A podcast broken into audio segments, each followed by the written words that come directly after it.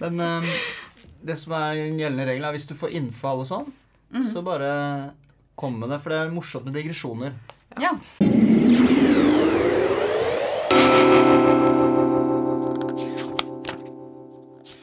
Kjære lyttere, kjære medborgere, kjære bokvenner.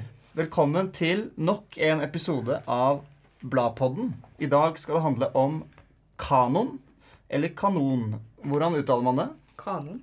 Kanon. Kanon. Men det kommer fra en kanon, gjør det ikke det? Egentlig, at man skyter. Vet vi det? Det er veldig mulig. En, ja, Dette burde vi eneste funnet ut før vi begynte. sammenhengen, eneste andre sammenhengen man snakker om kanon, det er vel når man synger i kanon. Så jeg, jeg tenkte litt på det i stad. Ja. hva slags parallell er egentlig det? Å synge i kanon? Er det sånn som gikk, gikk en tur på stien? Her skulle vi gjort research før vi begynte, men sånn er det litt. Vi, vi skal snakke om um, kanondebatt. Vi skal snakke om Solstad, og vi skal snakke om Hødnebø. I det hele tatt. Eh, men først må vi jo bli litt kjent, og vi sitter med Benjamin Jastan, Eirin Andresen Betten, Eli Frøvold Thoresen. Og hva leser dere for tiden, er spørsmålet. Jeg heter forresten Jonas eh, Hansen Weier. Eh, hva leser dere for tiden? Skal vi spinne blyanten? Oi sann. Ja, den gikk rett, rett på meg. Ehm, jeg, eh, leser, eh, jeg leser meg litt opp på spanskspråklig litteratur. Eh, så jeg leser eh, 'Labyrinter' av Borges. Jeg føler jeg må liksom eh, Vi har jo eh, spanskspråklig tema på litteraturfestival neste år. Det er jo ka kanonisert litteratur, da. Ikke sant? Så jeg, Ikke jeg tar kommunisert liksom nok, apropos Borges. Hva da? Apropos Borges Du vil han er mer ikke- fram?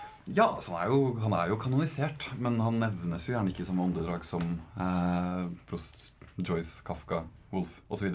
nei. Eh, kan komme en rask innskytelse, så er nok har jeg tenkt på eh, både Borges, men spesielt 'Labyrinter'. er Mm. Kanskje den boka som har vært mest bestemmende både for min litterære smak og mitt syn på teori. Oi, interessant. Ja, det skal jeg ta med meg når jeg fortsetter. Ja, Jeg begynte på toget i stad. Men er det fordi han er litt yngre enn de Joyce og Kafka? Ja, han er jo litt før. eh, nei, litt etterpå, mener jeg. Men eh, jeg vet ikke. Jeg tror det er en kombinasjon av at latinamerikansk litteratur fortsatt er veldig eh, Har en tendens til å bli satt inn i de mer eller mindre vestlige rammene. Eh, det er snakk om fortsatt magisk realisme man leser gjennom den optikken. Eh, om det ikke er undertrykt og eller veldig politisk begreps, begrepsliggjort eh, litteratur, så har vi en vane for å fortsatt tenke på latinamerikansk litteratur Dette høres ut som et som, essay, eh, du ja, det gjør egentlig det. Eh, Som Marques Marquez har eh, skrevet selv, som heter Han har skrevet det selv? Den latinamerikanske litteraturen, eller noe sånt, tror jeg. Okay, ok. Eh, Men uansett, det var en avsporing. Ja, men eh, når vi først er i avsporingen, hva leser du for tiden? Ja, um, jeg leser, altså Apropos Solstad, så leser jeg faktisk T. Singer. Jeg har ikke kommet så langt inn, jeg er på side eh, 25. Ja. Eh, Men det kan vi komme tilbake igjen når vi snakker om Solstad senere. Men Ja. uh, bortsett fra det så har jeg faktisk begynt å lese, eller gå tilbake til diktene til Sylvia Plath. Uh, etter at en venninne av meg uh, snakket veldig veldig varmt om det ene diktet som jeg ikke kommer på i forbifarten. Det er fra Ariel, den samlingen.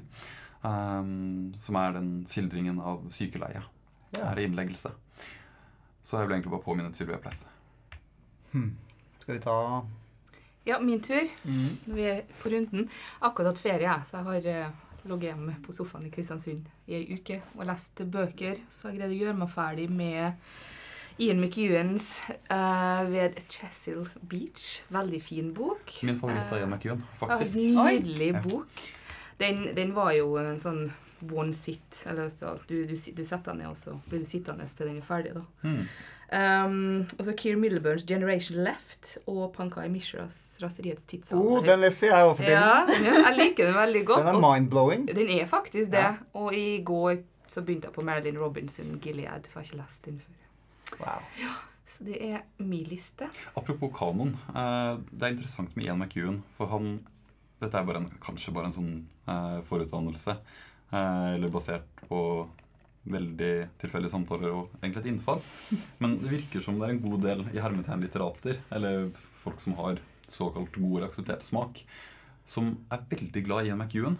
Ikke snakker så høyt om det, men snakker gjerne med hverandre om det. En gu- guilty Det er slags guilty pleasure. Altså, man er på en helt sikker på om det er greit å like Ian McEwan, for han er litt sånn flyplassforfatter. på en måte, Så man plukker opp en i bøkene der. Jeg mener jo okay. selv at det er, Ja, han, er, han kanskje. holder et veldig høyt litterært nivå.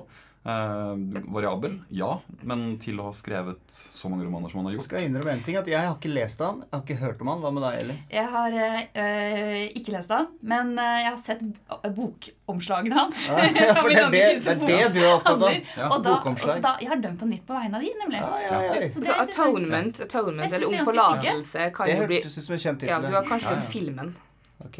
Ja, Er det den med han eh, Keira Knightley. Keira Knightley. Han detektiven? Nei, det er ikke noe detektiv i den boka. Men dere, jeg vil fortelle hva jeg leser. Eh, Ayad Akhtar, 'Disgraced', også kalt 'Krenket'. Det går på Nationaltheatret. Det er et skuespill. Ja. Jeg elsker, jeg, så, jeg var og så det skuespillet. Jeg fikk en fantastisk opplevelse og bestilte boken eh, like etterpå. Ikke på Amazon, men på Adlibris. Men søren meg for en forfatter, altså. Jeg visste ikke om han. Det er ekte gammeldags drama med hemmeligheter som blir utfoldet retrospektivt. Altså Jeg mener at hvis ikke, er, hvis ikke drama har hemmeligheter, så er det ikke godt drama. Så gammeldags er jeg blitt. Det er, det er kjempefint. Um, og det er også interessante linjer her til raseriets tidsalder. Pankers. Jeg tror det er mange linjer inn, i den, inn og ut av den boka. Han Ja. famner jo om alt mulig, egentlig. Yes, eh, vi eh, er her for å feire, holdt jeg på å si. Det er ikke en feiring, men vi er ute med nytt bladnummer. Eh, både Benjamin og Eli har skrevet til det. Men vi skal starte med å snakke litt om den såkalte kanondebatten. Fordi Frode Helmik Pedersen skriver i siste blad Han skisserer en, et forslag da, til en kanon fra 1980 til i dag i Norge. Og så sier han at det å eh, ta med skal vi se her, eh, faktorer som kjønn og etnisitet når man skal ehm, eh, lage en kanon, det er nødvendig. Men det er en demokratisering av kanondebatten og en delvis avestetisering, skriver han i essayet sitt. Dette blir tatt opp av Bjørn Ivar Fyksen i Klassekampen. eh, Lederen og Bokmagasinet sist lørdag. Nå er det speeddate i kantina. Dette blir tatt opp av Bjørn Ivar Fiksen i siste le leder i Klassekampen bokmagasin. Han skriver nei. Han er ikke helt enig. Han mener at det er ikke en eh, Det er ikke en avestetisering. Man utvider forståelsen av kvalitet. Det er ikke å lempe på kravene til kvalitet, men man utvider forståelsen. Hva tenker dere eh, om det? Å bruke kjønn og etnisitet og få det inn i kanoen, er det en avestetisering, eller er det en utvide, å utvide forståelsen av kvalitet? Må man nesten være så pedantisk som å begynne med å snakke om hvilke kriterier man legger til grunn for en estetisk bedømmelse. kanskje? mm, ja, ja. helt overordnet. Så er det vanskelig å komme inn på det uten å ja, altså mer eller mindre Kanskje vi heller skal begynne med, ikke for å legge premissene helt for samtalen, men kanskje vi skal begynne med å si noen ord litt hver om hva vi tenker om kanonisering, eller hva vi tenker om behovet for en litterær kanon. Eller hvordan vi stiller oss til Du kan i hvert fall si Eh, hva du ja. mener om det. Ja, um, ja, på den ene siden så syns jeg det er helt nødvendig å ha en litterær kanon. Uh, særlig i et uh, i fagdisiplinen, altså i litteraturvitenskapen. Uh, det ville vært helt umulig, umulig å legge opp, legge opp et studie og bidra til den spesifiserte dannelsen uten en kanon. Dessverre, kunne man sagt. Mer eller mindre stabilt, mer eller mindre vestlig kanon bestående av stort sett hvite menn. Eh, på den andre siden så kunne man sagt at kan kanon også potensielt. Ikke nødvendigvis, Den har ikke det kanskje i den grad man skulle ønske nå i dag, eh, men har også en allment oppdragende funksjon. Eh, og jeg stiller meg jo mer positiv til en litterær kanon. At det kan ha en samlende kulturell eh, effekt, som nødvendigvis ikke da går på etniske, religiøse eh, eller nasjonale skillelinjer. Ut fra en kanskje sånn litt romantisk forestilling om at språk og litteratur er mer plastisk, organisk og livgivende da, enn eh, et fellesskap som er fundert i som nevnt, religion, etnisitet, eh, nasjonalitet etc. Men eh, så oppstår jo problemet på to punkter, kanskje. Altså Det ene punktet er jo det som Frode Elmers Pedersen og Bjørn Ivar Fiksen så vidt har begynt å diskutere. Eh, og det er diskusjonen om hvilke kriterier som ligger forut dannelsen av en kanon. Altså hvem er det som holdes utenfor? Eh, hvem er det som ikke har blitt lyttet til å kunne ta del i det som man da litt lemfeldig kan kalle en, eh, det, mest, det mest vesentlige som har blitt skrevet eller utsagt gjennom en åndshistorie. Og eh, eh, ja, hvordan jeg stiller meg til det? Jeg tenker nok litt grovt, da, kan jeg si at jeg tenker i hovedsak at det er viktigere å bedrive aktiv kanonkritikk, eh, aktiv refleksjon rundt hvordan man danner kanon.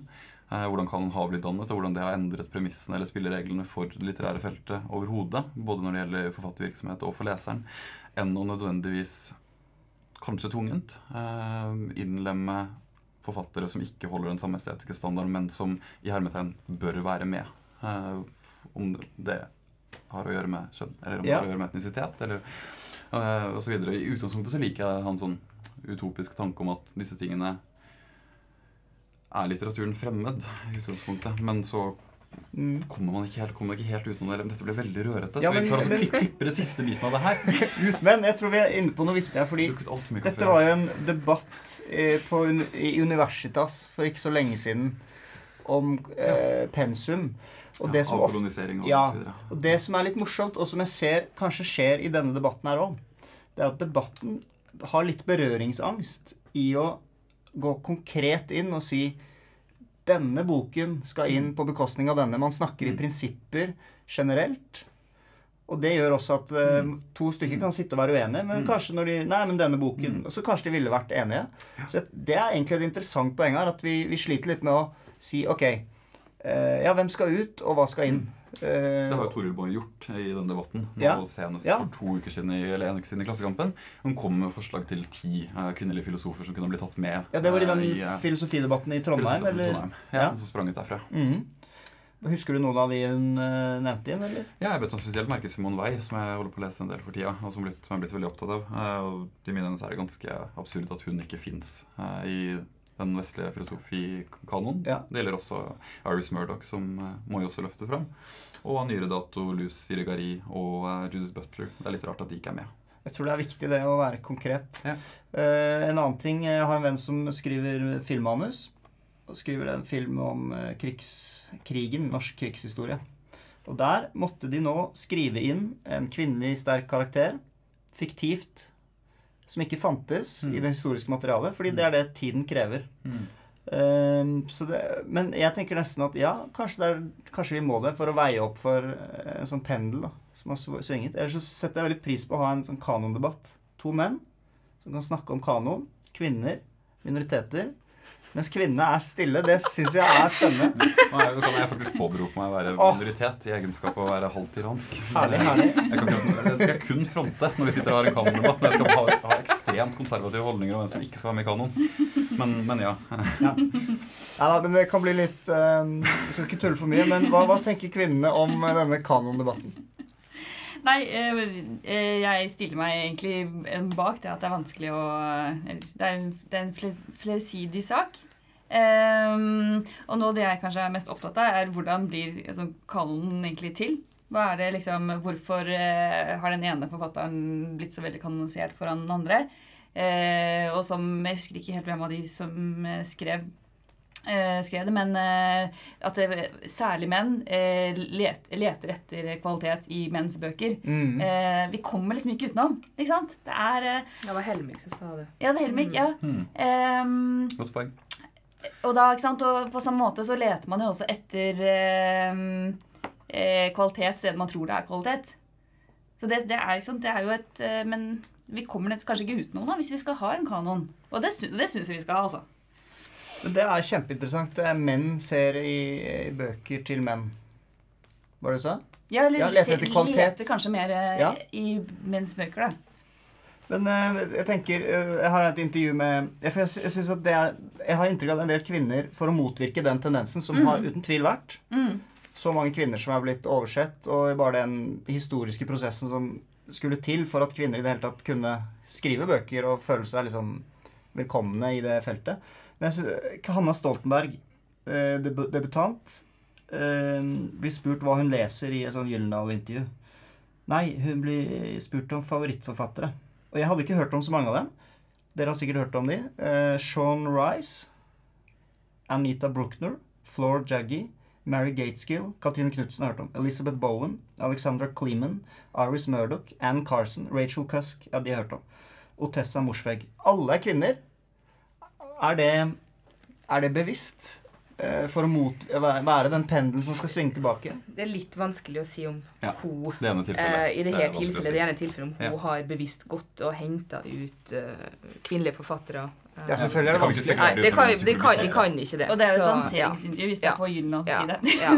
Jeg er litt sånn skeptisk, men eh, Um, Hva, hva ble du skeptisk til? Nei, altså, Var det ikke Gyldendal sin egen Jo, jo, jo, blogg? Det Jeg tenker at. Kanskje er litt sånn lanseringsintervju. Jeg synes ikke det synes Hvordan skal vi det få frem henne som Det er klart at vi ikke kan spekula spek Ja. spekulere for mye, men jeg syns ikke det er interessant at man nevner tolv, nei, ti forfattere av samme kjønn. Mm. Hvem man er påvirket av. ja, men har en mann gjort det der og meldt, skrevet, altså nevnt ti mannlige forfattere, så det er egentlig ingen som har stilt spørsmål. Tror du ikke det? Nei. Jeg tror det Du nemlig i dag. tror det? Nei. Jeg gjorde, nei, det tror jeg faktisk ikke. I dag så tror jeg kanskje hun har gjort det. Men jeg Men, det- For ti år siden ville man kanskje Ja. ha gjort det. Men, Jeg, jeg er ikke kritikk av Stålberg. Jeg synes det er kjempekult å få så mange forfattere aldri har hørt om, som, som hun da har blitt preget av. Det er jo bare gull. Eh, For en del år siden så gikk jo den kanondebatten i, um, i USA. Um, altså den pensumdebatten og hvor mange menn uh, er på pensum, hvor lite minoriteter, hvor få Du kvinner. tenker 90-tallet? Eh, Bloom og Ja, nei, den gikk, altså, den gikk Nyere? faktisk Ja, den den Ja. mye nyere. Den Ja, er etter jeg var ferdig å studere. Og da um, gikk jeg tilbake faktisk og leste gjennom alle pensumlistene mine fra fem år. Ja? Ja. Eh, for jeg studerte uh, britisk og amerikansk litteratur, så jeg har tror jeg hadde to verk av Ibsen. Og det, that's it. Hva fant du ut? Eh, jeg, vet du hva? Jeg tror det var um, Nå var det jo ganske Det var, jeg vil si, en Kanskje 85-15. Altså prosent. Ja, Ja. ja, ja. Eh, og det overraska meg egentlig ikke. Um, fordi at det var mye, veldig mye klassiske fag. Og så um, Det mest moderne faget jeg hadde, var vel amerikansk samtidslitteratur fra andre verdenskrig og fram til i dag. Um, og så var det selvfølgelig noen britiske kvinnelige klassikere på, på lista. Eh, men sånn kanondebatt fra 1980 og fram til i dag, det er jo en veldig interessant debatt. fordi at vi vet rett og slett ikke ennå for fram til 1980. Det begynner egentlig å sementeres ganske godt. Um, men fra 1980 og, og um, For det er jo nå om noen år så er det jo altså 40, 40 år neste år, ikke sant? Så den, Mhm. en del av de verkene vil definitivt gå ned som, eh, som, som den norske litterære kanonen. da. Eh, Og hvem av dem det blir, eh, det vet vi ikke helt ennå, men noe av det begynner jo å bli etablert. Og noe av det nevnes jo bl.a. av eh, Helmik Pedersen i, sin, i sitt essay her. For han nevner jo en hel rekke navn som vi ikke snakker om lenger, og de kan jo allerede si at mest sannsynligvis ikke vil gå ned som en del av Ja. kanonen fra 80 og fram til i dag. Ja. Så, men Dag Solstad er, vil jo være et åpenbart eh, valg. Det ville vært rart om ikke noen av verkene hans har ville bli, blitt, vil bli kanonisert. Mm. Mm. Kanskje vi skal fortsette å snakke litt om eh, Solstad? Skal vi allerede hoppe dit? Ja, så, så du vi sitter og fablere rundt kanonen Ja, kjempelenge Har du Kjør på. Nei, jeg har ikke noe umiddelbart umi- umiddelbart Bare kose deg der vi var. Nei, men vi kan jo, jeg, jeg kan jo plukke opp eh, på et eller annet Dag Solstad-poeng før vi går over til Ja. den som Helmik Pedersen nevner. og Det er jo det at når han snakker om eh, sånne bauta i forfatterskapet Dag Solstad han hevder jo at Dag Solstad egentlig ikke har et sånn åpenbart verk. Um, sånn som Gynter Grass, for eksempel. 'Blikktrommen'. Og så Mm. nevner han Tony Morrison, 'Beloved', for eksempel. Og um, da hvis du er inne på amerikanere og briter, så er det jo du, du, Med en gang du nevner et navn, så tenker du automatisk på et verk, sånn som Marilyn Robinsons som jeg nevnte i sted. 'Gilead' vil være, og 'Lighthouse Keeping' vil vel være de to bøkene du tenker mm. på når du tenker på henne. Uh, men Dag Solstad jeg, vil jo, for, jeg går jo automatisk til um, gymnaslærer Pedersen, sikkert for at det er den eneste boka jeg leste av Dag Solstad. så det vil være den, da. Og Ja. så 25. septemberplassen, ikke den heter? Jo. Litt fordi at jeg greide aldri å komme meg gjennom den. Jeg prøvde, men jeg greide ikke. Men jeg, jeg syns at det at Solstad ikke har den ene, Mm. er til hans eh, Fordel. Ja, fordel. Ja. Fordi jeg, jeg tror han har så mange sterke. Mm. Så man, man kan nevne tre-fire, liksom, som er, kunne vært den ene hvis han Mm. Ja. Jeg har det er litt veldig inntrykk av at, sitt um, poeng òg. Mm. Jeg har litt inntrykk av at sjenanse og verdighet ofte blir løfta frem. Mm. Som det er veldig mange av de tematikkene Det er veldig mye Eh, referanser til den, i hvert fall. Det er veldig mange liksom- referanser til den. Den er Ja. veldig epokegjørende på et vis. Eh, Den er veldig representativ for en ja, 90-tallets desillusjon som Solstad også var med på å innstifte forestillingen om, i alle fall. Eh, og ja, for min, ja, Vi trenger kanskje ikke å gå allerede inn i den beste Solstad-romanen, men Sånn så er dette i hvert fall på et vis karriereoppsummerende uten å være det eksplisitt. Altså, det er veldig mye som kulminerer. Eh, han har aldri vært så god formmessig og aldri så skarp tematisk som i den, syns i alle fall jeg. Men vi kan komme tilbake til det. Mm.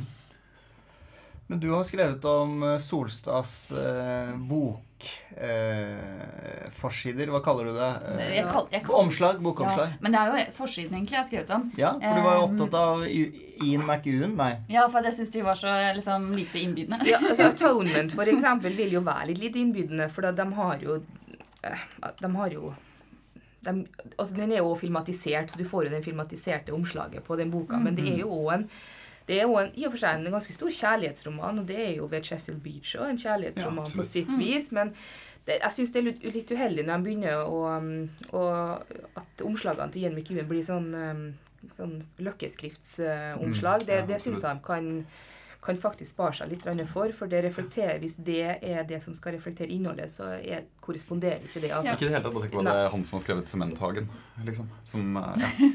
Ja, for Noe av mitt poeng er jo på en måte hva slags del bokomslaget er av boken. Mm. Eh, at det er en, de, de er liksom fysisk sammenbundet, og leseren, en leser som aldri har lest Dag Solstad, Ja. vil jo For, for det, den leseren vil jo, vil jo på en måte det gi et slags en slags, en slags visualisering da, av boken. På samme måte som med Ian McEwan. Da, da tenker man at å, ja, det, man leser liksom, liksom løkkeskriftromanaktig, Mm. da, hvis det er det som er omslaget. Mm.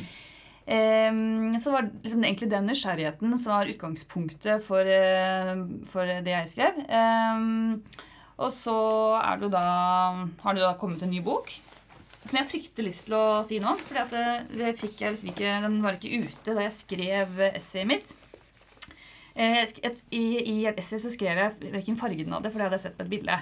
Den, for den er jo litt sånn okerfarget. Eh, veldig typisk Solstad. Eh, men det jeg liksom har lagt merke til når den kom ut, da, det er jo at det, er fantastisk. Det er ingenting på baksiden. Det passer, passer perfekt inn i liksom, ingenting i de der innkraftene eller noen ting. Bortsett fra sånn Instagram-aktig fotobilde, som jeg syns er veldig spesielt. Hva med det er Eh, å Instagram-aktig? ja, er Beskriv for lytteren. Beskriv for lytteren. Ja, ja, det, ja altså det er jo insta, det, det er sånn Instagram-bilder er. De er, eh, de er eh, kvadratiske. Eh, litt ser ut som det er sånn filtra, egentlig. Så de kutta hodet av. Kutta hodet Ser ut som man eh, Nesten en sånn selfie. Mm. Det syns jeg er skikkelig rart. Ja, du ville ikke Det er hatt for Jeg har lyst til å skrive et nytt essay om den der bare det bildet. Ja, Altså. ja. Ja, Det bryter med alt. Nei, nei, bare Sorry. Eh, nei, man ville ikke hatt en tilsvarende, tilsvarende portrett, portrett, portrett av Beckett der den øverste, de øverste fem centimeterne av hodet og håret er kutta Ja, vekk. så Og så er det bare. Beckett born in. ikke sant? Altså, det er sånn, du, du ville ikke hatt det. Nei, eh, Og alle de andre har vært litt sånn, sett litt ut som Ibsen eller som Hamsun. Og han liksom, har liksom ikledd seg Kanskje det var en hospitant fra, på litteraturformidling du? Universitetet i Oslo? Men også, men det som er morsomt, er jo at man ikke helt skjønner hva boken heter. Ja.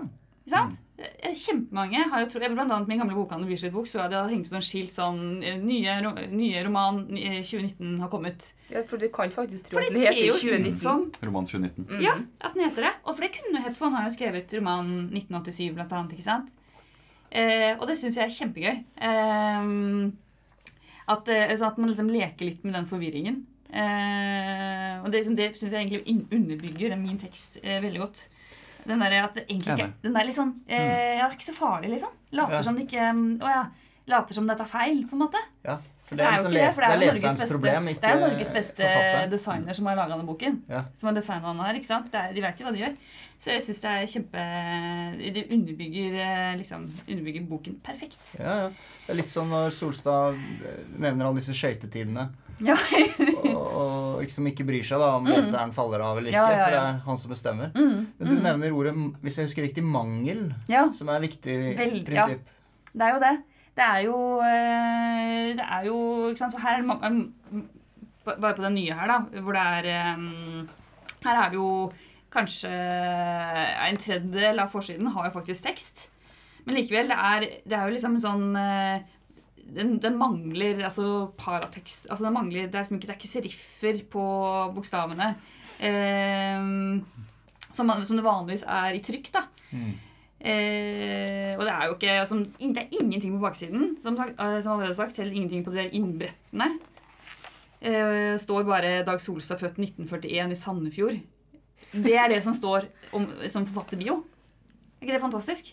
Så det, det, det gjelder jo Det med mangel gjelder jo egentlig her også. Du nevner jo en parallell til JD Salinger sine, Ja. sine bøker. Ja, ja. Det syns jeg var veldig fint, for de har jo en ehm, Selv de nye utgivelsene holder seg jo veldig De er jo veldig mangelfulle, dem òg. De er ehm, Mm. ikke, det er ingen bilder. Det er bare det er, det er kanskje en av få plasser du kan tollere løkkeskrift, for det er faktisk såpass pent, med sånn som Franny and Zoe, Ja. for eksempel. ja, ikke sant? Veldig Og, nydelige bøker. og der var jo det Det var jo på en måte en bevisst Mm. eh, Altså det, det er ikke, De får ikke lov å gi den ut hvis de skal uh, gjøre noe annet, liksom. Så der er det, der er det kjempestrengt. Mm. Jeg likte, jeg må si jeg likte utrolig godt den eh, parallellen du trekker til Bauhaus og opprinnelig modernistisk eller funksjonalistisk Mm. arkitektur, byggekunst eh, og design. Mm. Um, for det omslaget der, eh, altså oktobers omslag til uh, tredje, komma og siste, komma, roman om Bjørn Hansen Uh, altså Det er jo også en typografisk fuck-up. altså Det er jo ikke riktig det er ikke riktig semantisk. Men, uh, men den utgivelsen her, og det faktum at de bare har skrevet roman 2019 veldig veldig synlig på forsiden, Mm.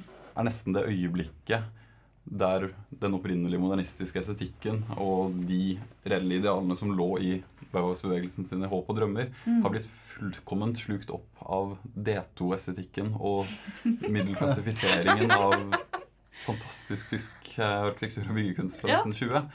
Eh, Og at Oktober også kan gi ut nettopp det. Altså noe så stringent, minimalistisk, negativt, fraværsbetont, som du Mm. også skriver veldig fint om i teksten Mm.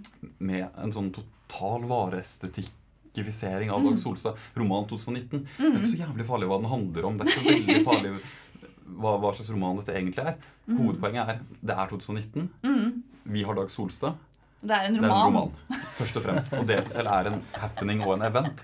Ikke sant? Og det er jo et utrolig godt poeng eh, når det gjelder hvordan kanon i dag også, i 2019, gjerne blir presentert i en sånn opplevelsesøkonomisk bedre enn form. Som Adorno et sted kaller det. Ja. Altså at de kanoniserte er bedre enn de Ja. som ikke er så Ja, altså enkelt. Altså, kulturen har, som han skriver det, i estetisk teori, at kulturen har falt inn eh, eh, i en hang til å kategorisere i en bedre enn-form. Ja. Uh, at kunsthistorien skriver at det alltid fins visse forbedringer fra en kunstart til en annen. Det har først og fremst å gjøre med teknikk, eller altså endringer i materialet, eh, eller i, eh, i re, re- reell utvikling. Eh, men å dermed slutte at det ene verket er bedre enn det andre fordi eh, tolvtoneskalaen eller polyfonien er mer uh, musikalsk kompleks enn uh, barokken, Mm. er en feilslutning. Ja, ja, ja. Eh, og man får disse her liksom kåringene 100 beste norske dikt, kulturens aller fineste, det aller beste, dette passer for deg som altså Det er, sånn, det er den formen der. Mm. Og uintendert så har Oktober klart å reflektere det på omslaget sitt. Samtidig som de henfaller til den perverteringen av eh, modernistisk eh, design. Jeg har lyst til Så å det er veldig, veldig mye interessant Ja. Ja, ja, Jeg har lyst til å trekke en liten para eh, parallell her til Søren Kirkegård. Fordi Søren Kirkegård blir nevnt i åpningen. Derfor er det relevant. Fordi han Kirkegård var veldig opptatt av bokomslag. Var han det? Ja, Og han regnes av noen som den første liksom eh, Ikke typografen, men den første forfatteren som eh, la Hva skal man si eh, Veldig mye tankevirksomhet inn i hvordan bøkene skulle se ut. Ah. Og, det han, for han eh, Kort fortalt, Kirkegård eh, kritiserer en fyr som het Heiberg, som var den store kritikeren i Danmark. Fordi Heiberg ga ut sånne jule-nyttårsbøker med sånn gullbelagte forsider som skulle se fine ut. Mens innholdet var eh, uinteressant. da. Mens Kirkegårds bøker de var veldig sobre. Men det var veldig nøye uttenkt hvordan de skulle se ut. Og så var jeg på et eh, sånn Kirkegårdsseminar. Da var det en som trakk parallell til Kirkegårds oppvekst som Hernhut. Det er en eh, protestantisk religiøs Jeg vet ikke om jeg uttaler det riktige. Hernhuttene. De, de var veldig sånn eh, puritanere. Du skal kle deg veldig sånn ikke flashy, men du- det skal se ordentlig ut. Og det mente han at bøkene til Kirkegård også var. da De var ordentlige. Men innholdet er inn, altså det er innholdet som er viktig. Det som er inni. Du skal ikke flashe på det som er utsiden. Dag Solstad har blitt ekvivalenten til Ja. at aktene Men på en minimalistisk måte. ja, ja. Ja, ikke sant? Og så ble de Men det er, det er, det er jo det samme smilefjeset kom på. tradisjon, ikke sant? Ja. Det er det. Spennende teori. Men hva er det som gjør at Solstad er blitt så kanonisert? Han, eh, som Helmik Pedersen skriver, han er jo udiskutabelt eh, hører hjemme i kanon. Er det bare fordi han er så god? Han, eh, eh, han, han det er, Jeg skal ikke si at det er derfor, men eh, han har jo også blitt presentert som stor hele veien. da. Ja. Eh, som Inger Østestad skriver om i sin doktorgradsavhandling. Mm. Eh, fra liksom, første bok så fikk han en helt annen presentasjon enn alle de samtidige.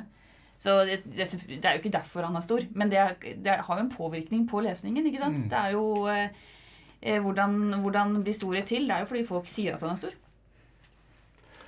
Men han, eh, i, i boken sin så er det en sånn metoo-kritikk, blant annet. Jeg kunne liksom sett for meg at andre forfattere, som var mindre store, da, ville fått mer pepper for det på en eller annen måte. Men jeg vet ikke om jeg har rett. At Solstad liksom Ja, for det har ikke vært noen debatt. Ingen Eller jeg har debatt. ikke fått Det har ikke skapt noen noe debatt. Lefsen skrev jo litt om det i den anmeldelsen sin. Ja. tror jeg. Og så ble det snakket litt om i den podkasten de hadde på Morgenbladet. Um, jeg tror det er en blanding av eh, det første, altså at Solstad på et sett og vis begynner å bli litt heva over kritikk. Så tror jeg også det er at um, måten han gjør det på, den um, Ja, hva kan man kalle det? Metoo-kritikk. Hvis det er en metoo-kritikk, så er det jo det er en forferdelig grunn. Uh, altså Han tilfører jo ikke noe som helst til diskusjonen av kjønnspolitikk eller uh, lynsjemobb-problematikk i det hele tatt. Med, det, med den tvisten i tredje og siste eh, bok om Bjørn Hansen. Eh, men jeg tror ja, altså Det har jo litt å gjøre med at man fortsatt ganske takknemlig da leser Dag Solstad som en uh, Gombrowicz eh, eh, aktig spiller. Uh, og at man ja, tar det litt som en vits. da. Altså, det, er, det, er en, det er en spøk. Um, og jeg tror også han spøker med det. Altså Jeg tror det er Dag Solstad som spøker med at Dag Solstad skal skrive om metoo. For det i seg selv er jo veldig morsomt. Det er, det er veldig morsomt. Ikke sant? Så det um, Ja, men kan vel Skal vi, skal vi gi Ja, bort slutten nevnt, på den romanen? Ja, Ja, ja, vi, må- ikke det er lov å spoile her. I, Ja, vi kan jo bare ja. si spoiler alert. Ja. Hvis du ikke vil vite slutten på tredje og siste roman om Bjørn Hansen, så får du spole over dette. Ja, det er da så kort oppsummert barnebarnet til Bjørn Hansen, altså Viggo, som har flyttet inn i hybelen på Grønland. Eh, Tromsleilighet, eh, for han skal studere litteraturvitenskap. Eh, han har da fått en, eh, en kjæreste som i romanen også bare blir kalt NN. Eh, hadde vært en annen en Dag Solstad, kunne man sikkert ha tenkt på det som en implisitt kanonkritikk. Eh, eller anonymiseringen og forstumningen av kvinner opp gjennom litteraturhistorien. Eh, jeg tror han spøker med det også, uten å tillegge han altfor mye. Eh, hun fornærmer da Bjørn Hansen på det aller groveste ved å komme med en eh, kommentar, altså kjæresten til Viggo, eh, om at han har altfor mange bøker hjemme. Altså, Bjørn Hansen har fylt opp leiligheten sin med bøker. Det er stort sett det eneste som fins i det som sønnen sin også kaller en drittleilighet på Grønland. For å da ta hevn når Bjørn Hansen skal være med Viggo hjem til kjæresten på slutten, så klipper han over slipset hennes med en tang eller med en saks, så vidt jeg husker. Mm. Eh, og så anklager hun ham for å ha stirret på puppene hennes eh, og kaster han ut av leiligheten. På vei ut eh, følger også Viggo hakket her, så dør da Bjørn Hansen på romanens siste side i armene på sønnesønnen etter å ha blitt anklaget for noe veldig metoo-aktig. Og det tenker jeg sånn Dette er ikke seriøst ment. Dette er kødd, og i så fall så er det helt utrolig morsom satire. Ja. Det funker, det funker, det funker ikke som et eh, partsinnlegg eller som en analyse Nei, av feminisme, men det er, det, er, det er dessverre veldig veldig morsomt. Nei, jeg tror Dag Solstad sa vel i intervjuet med Anne Farsetås i Morgenbladet at um, hvis han skulle ha skrevet en, den type reell metoo-kritikk, så ville han skrevet et essay Ja. om det. Ikke, det sa han faktisk, ja. ikke, inn, ikke innlemma det i Et personlig- ja, en personlig essay. Ikke innlemma det som en sånn overordna kritikk i romanen. da. Ja. Så, så jeg vil anta at det er en satire. Um, og det, nå kommer det jo fra meg som faktisk ikke har lest de her bøkene.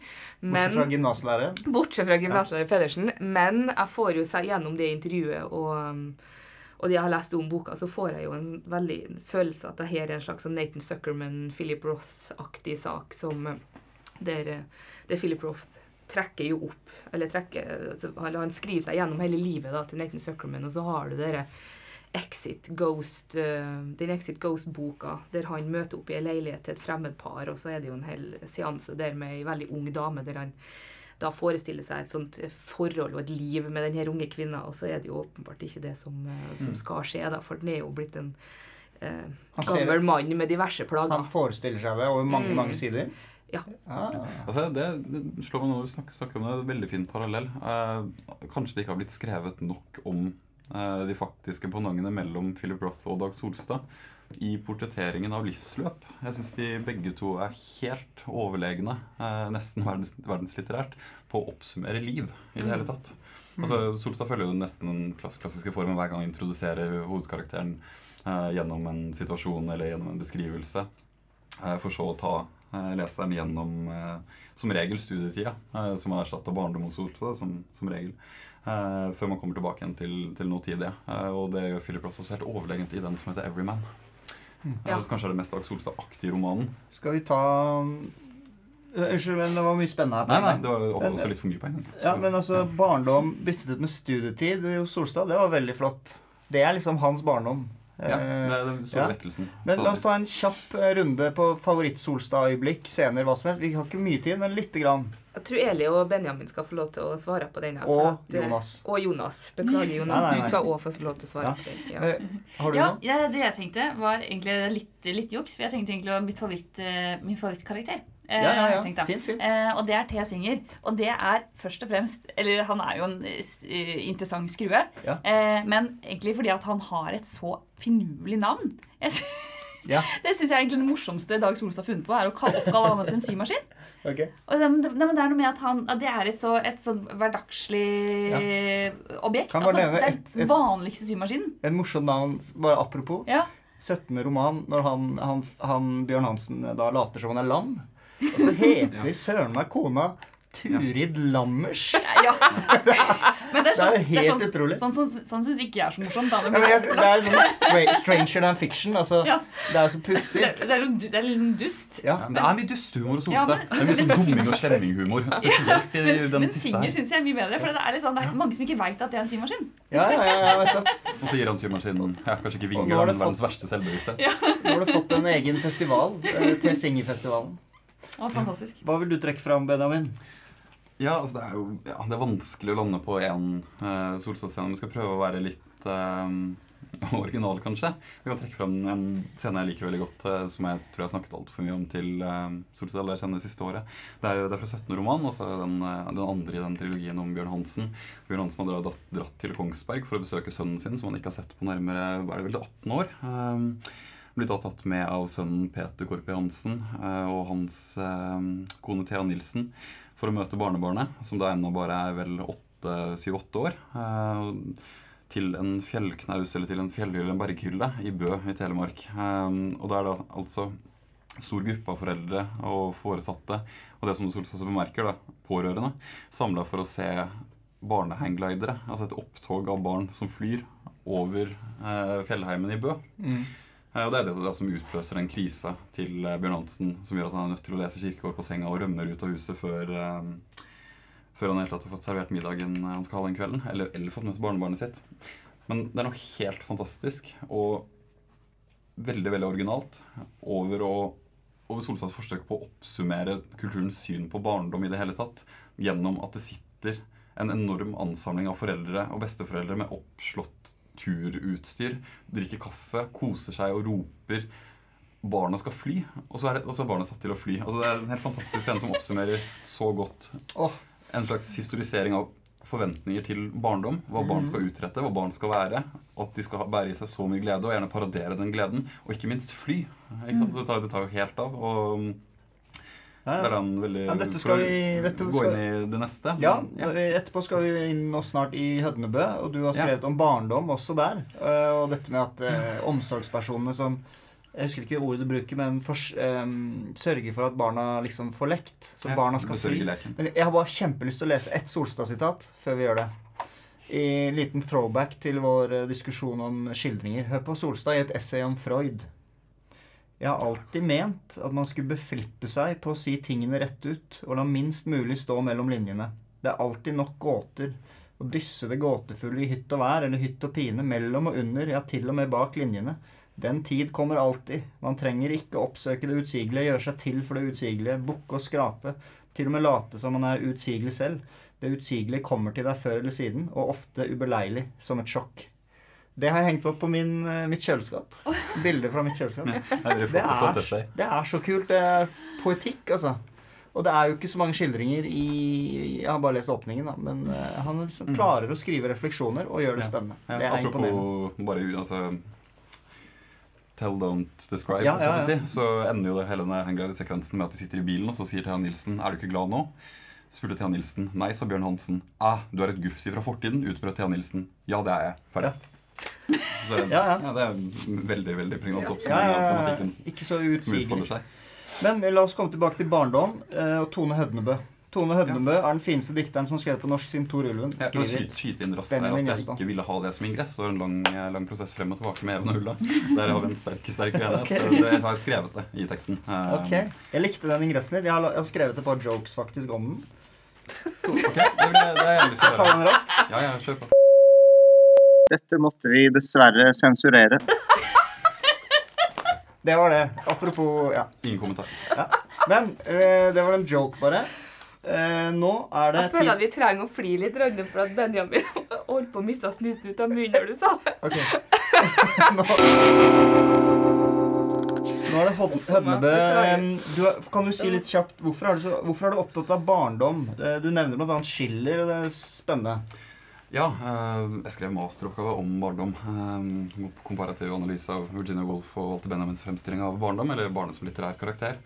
Eh, ja, På den ene siden syns jeg det er veldig interessant å bedrive motivstudier. Altså å lete etter hva bruk av særegne motiver eller litterære figurer utsier om en gitt samtid. og ha det som en innfallsvinkel fremfor en overordna teoretisk inngang.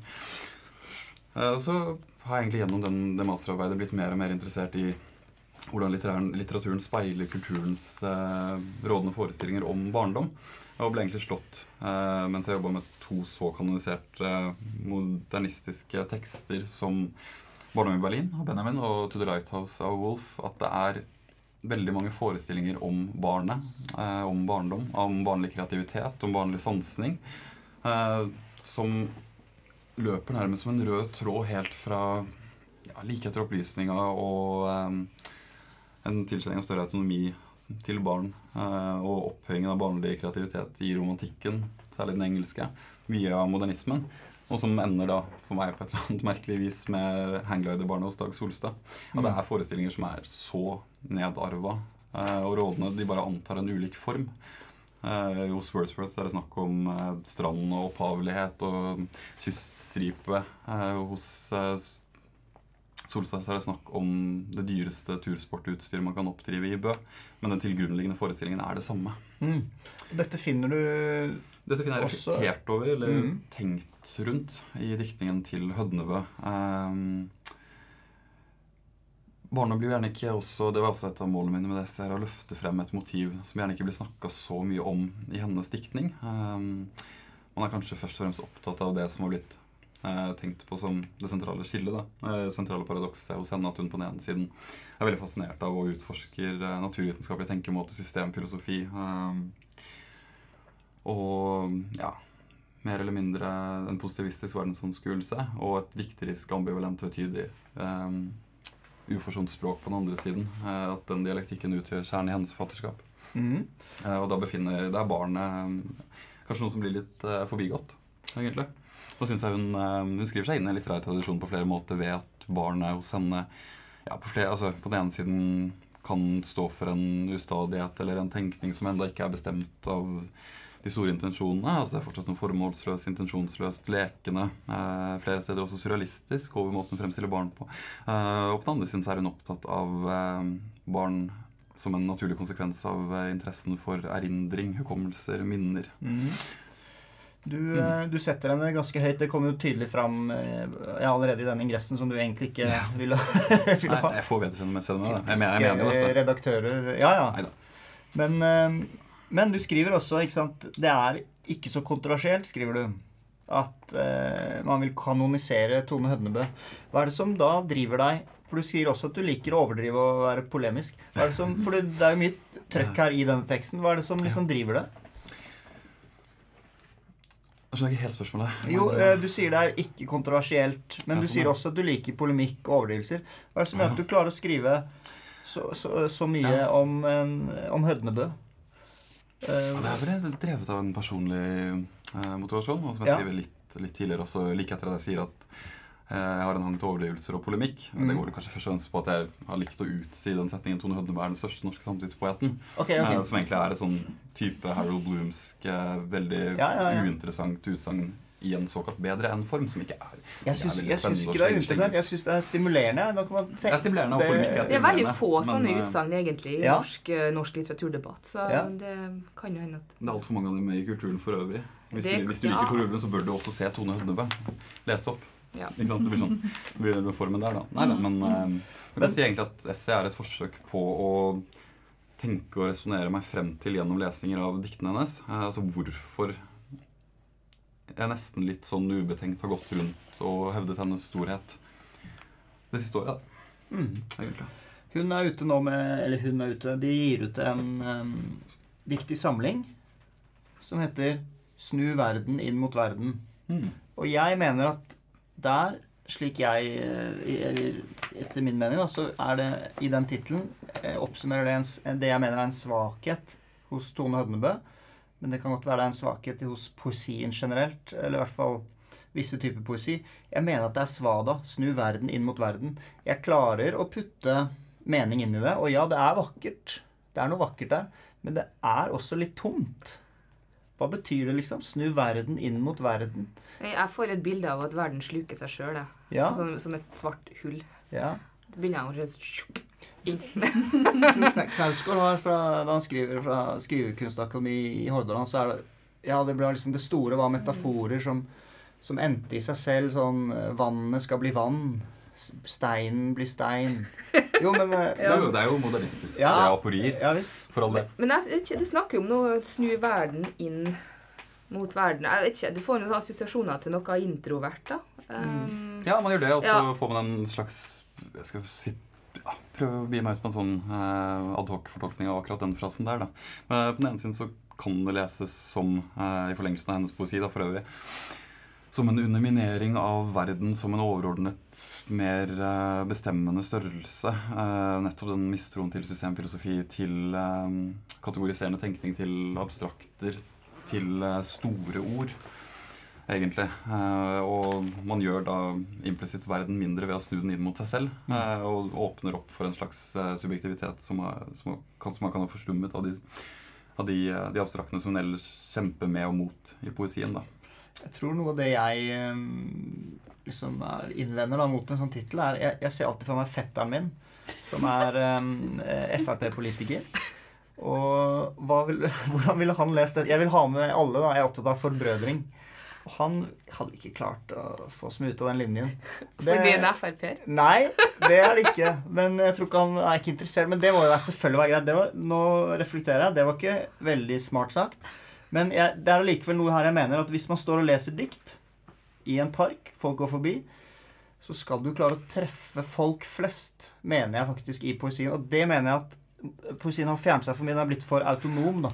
Har den, når ble den det? Sånn historisk sett? Ja, det må jo ha vært på andre halvdel av 1800-tallet. Hvis vi snakker om kanonisering altså Hvis du ser for deg noen står på ei, ei kasse i en park og leser opp uh, T.S. Eliots 'The Wasteland', så tror jeg faktisk ikke at uh, enhver blir fanga av det, altså om du prøver eller ikke. Det er et problem for Elliot problem? eller for folkene som går forbi. Jeg vet ikke om det er et problem for noen, jeg vet bare at de ikke alltid vil møtes. Ja. Mm. Det er Men han skal være forsiktig med teskje også, da. Altså, Ja, sant. folk er gata Jeg vil jo ikke bli undervurdert som publikum heller. Nei. Ja, det er akkurat det. Da har man implisitt med den, den påstanden først har sagt at folk flest vil aldri kunne forstå, modernistisk poesi. Eh, og så tror jeg det blir ja, jeg tror det er kanskje, kanskje en litt sånn feilslutning, eller et blindspor, da. Ja. Å bedrive skyldproduksjon om den enten skal finnes hos poesien eller hos det o store folk. Det kan være. Men han Men eh, igjen, da. Jeg, som Ja. en litt barnslig Adorno-disippel, så vil jeg alltid mene at den mest radikale kunsten står i et negativt forhold til samfunnet rundt seg. Ja.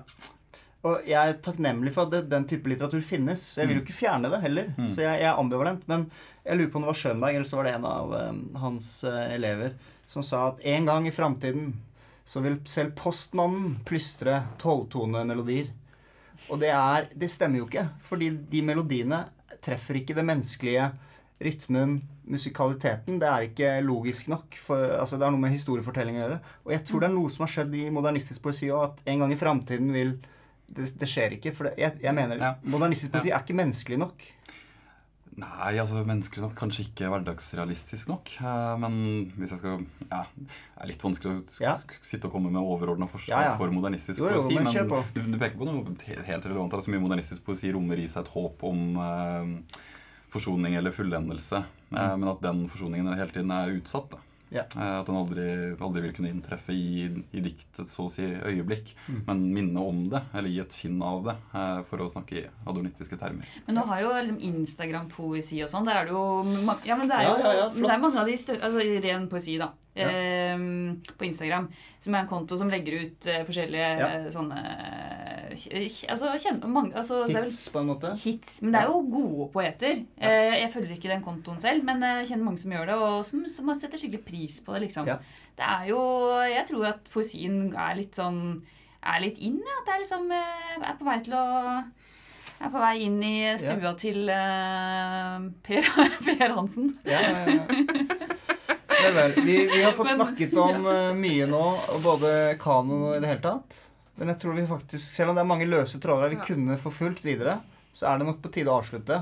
Men vi skal slutte litt med, og hvis dere har lyst til å nevne noen forfattere dere vil ha opp i kanon, eller forfattere dere vil ha vekk fra kanon, så er det anledning nå, ellers må man for alltid tie stille.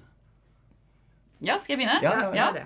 Ehm, eh, det, det, her har vi en minoritet. eh, barn- og ungdomsbokforfattere. Mm. Eh, de blir jo sjelden nevnt i kanonsammenheng. Og der tenker jeg spesielt på Gro Dale. Eh, jeg syns hun er helt genial. Hun Mm. er altså et unikum av en forfatter. Eh, og skriver eh, Jeg har lest noe av voksenbøkene hennes, altså noe litt poesi, som jeg syns har vært knallgod. Men særlig barnebøkene hennes, spesielt den som heter Snill. Eh, som handler om en jente som er så snill at hun forsvinner. Åh, fantastisk. Ja, men Det er en helt fantastisk bok. Eh, og, og sånne hvis forfattere som henne utførelsen er like god som ideen, så Ja, men den, den, ja, du, kan, du leser den på Ja, tre minutter. men ehm, ja, men Jeg ser flere som nikker nå når du snakker om Gro Dale. ja, hun er, jeg, jeg syns hun er Hun fortjener eh, Ja. å bli mer snakket om. Du, Benjamin. Ja, jeg sitter og tenker, da. Uh, jeg kan litt generelt slå et slag for at de fineste essayene til Henning Hagerup står ikke tilbake for noe av norsk samtidsfiksjon. Mm. Men nå snakker vi jo strengt tatt om skjønnlitteratur. Nei, nei. Men er det, det er fair. Essay er fair. Det syns jeg. Okay. Ja, ja. Mm. Jeg tror du skal få ta en, Ja, Jonas. jeg, jeg har lyst til å si sist um, Frode Helmik Pedersen nevner en forfatter som har blitt glemt. Uh, Gunnar Lunde. Og han ble jeg introdusert for uh, på forfatterstudiet i Tromsø. Og da var det ett dikt som jeg bare fritt etter hukommelsen var, eh, jeg, jeg, har begynt, jeg har lyst til å lese meg litt opp av han. Jeg ser han blir nevnt som kultforfatter i en Dagbladet-artikkel, annet. Gunnar Lunde. Han hadde et dikt, han var lærer, og så er det liksom sånn naivistisk poesi, da. Um, så det er jo litt mer um, lettvint, men eh, jeg er jo også lærer, og det er du òg, Eirin, så kanskje du kjenner den. Første linja var 'Jeg er lærer. Jeg liker ikke å være lærer'. Og så fortsetter det sånn litt sånn depressivt. Eh, ja. Men han drev med det for veldig mange år siden. Eh, og det hadde sannsynligvis blitt populært på Instagram i dag. Eh, ikke at det nødvendigvis er et kvalitetstegn, men, men sånn er det nå. Gunnar Lunde, altså. Ja. Ja, eh, hva er det vi bør avslutte med nå? Dette ble mye om kanon og litt om Solstad og, og poesi og Hødnebø og sånn. Er det noen som vil ha noen avsluttende ord? Veldig viktig lærdom fra denne podkasten her. Vi, begrens, vi må begrense antall temaer, Ja. Egentlig. Ja. Det er et innspill jeg kunne vente med til vi er ferdig, da. Men eh, Siden vi snakker om negativitet og fravær og sånn i dag. Så. Da tror jeg vi lar det være de siste ordene. Ja, og så kan vi òg si at uh, podkasten er nå å finne på iTunes òg, så du kan få laste den ned i appen på telefonen din.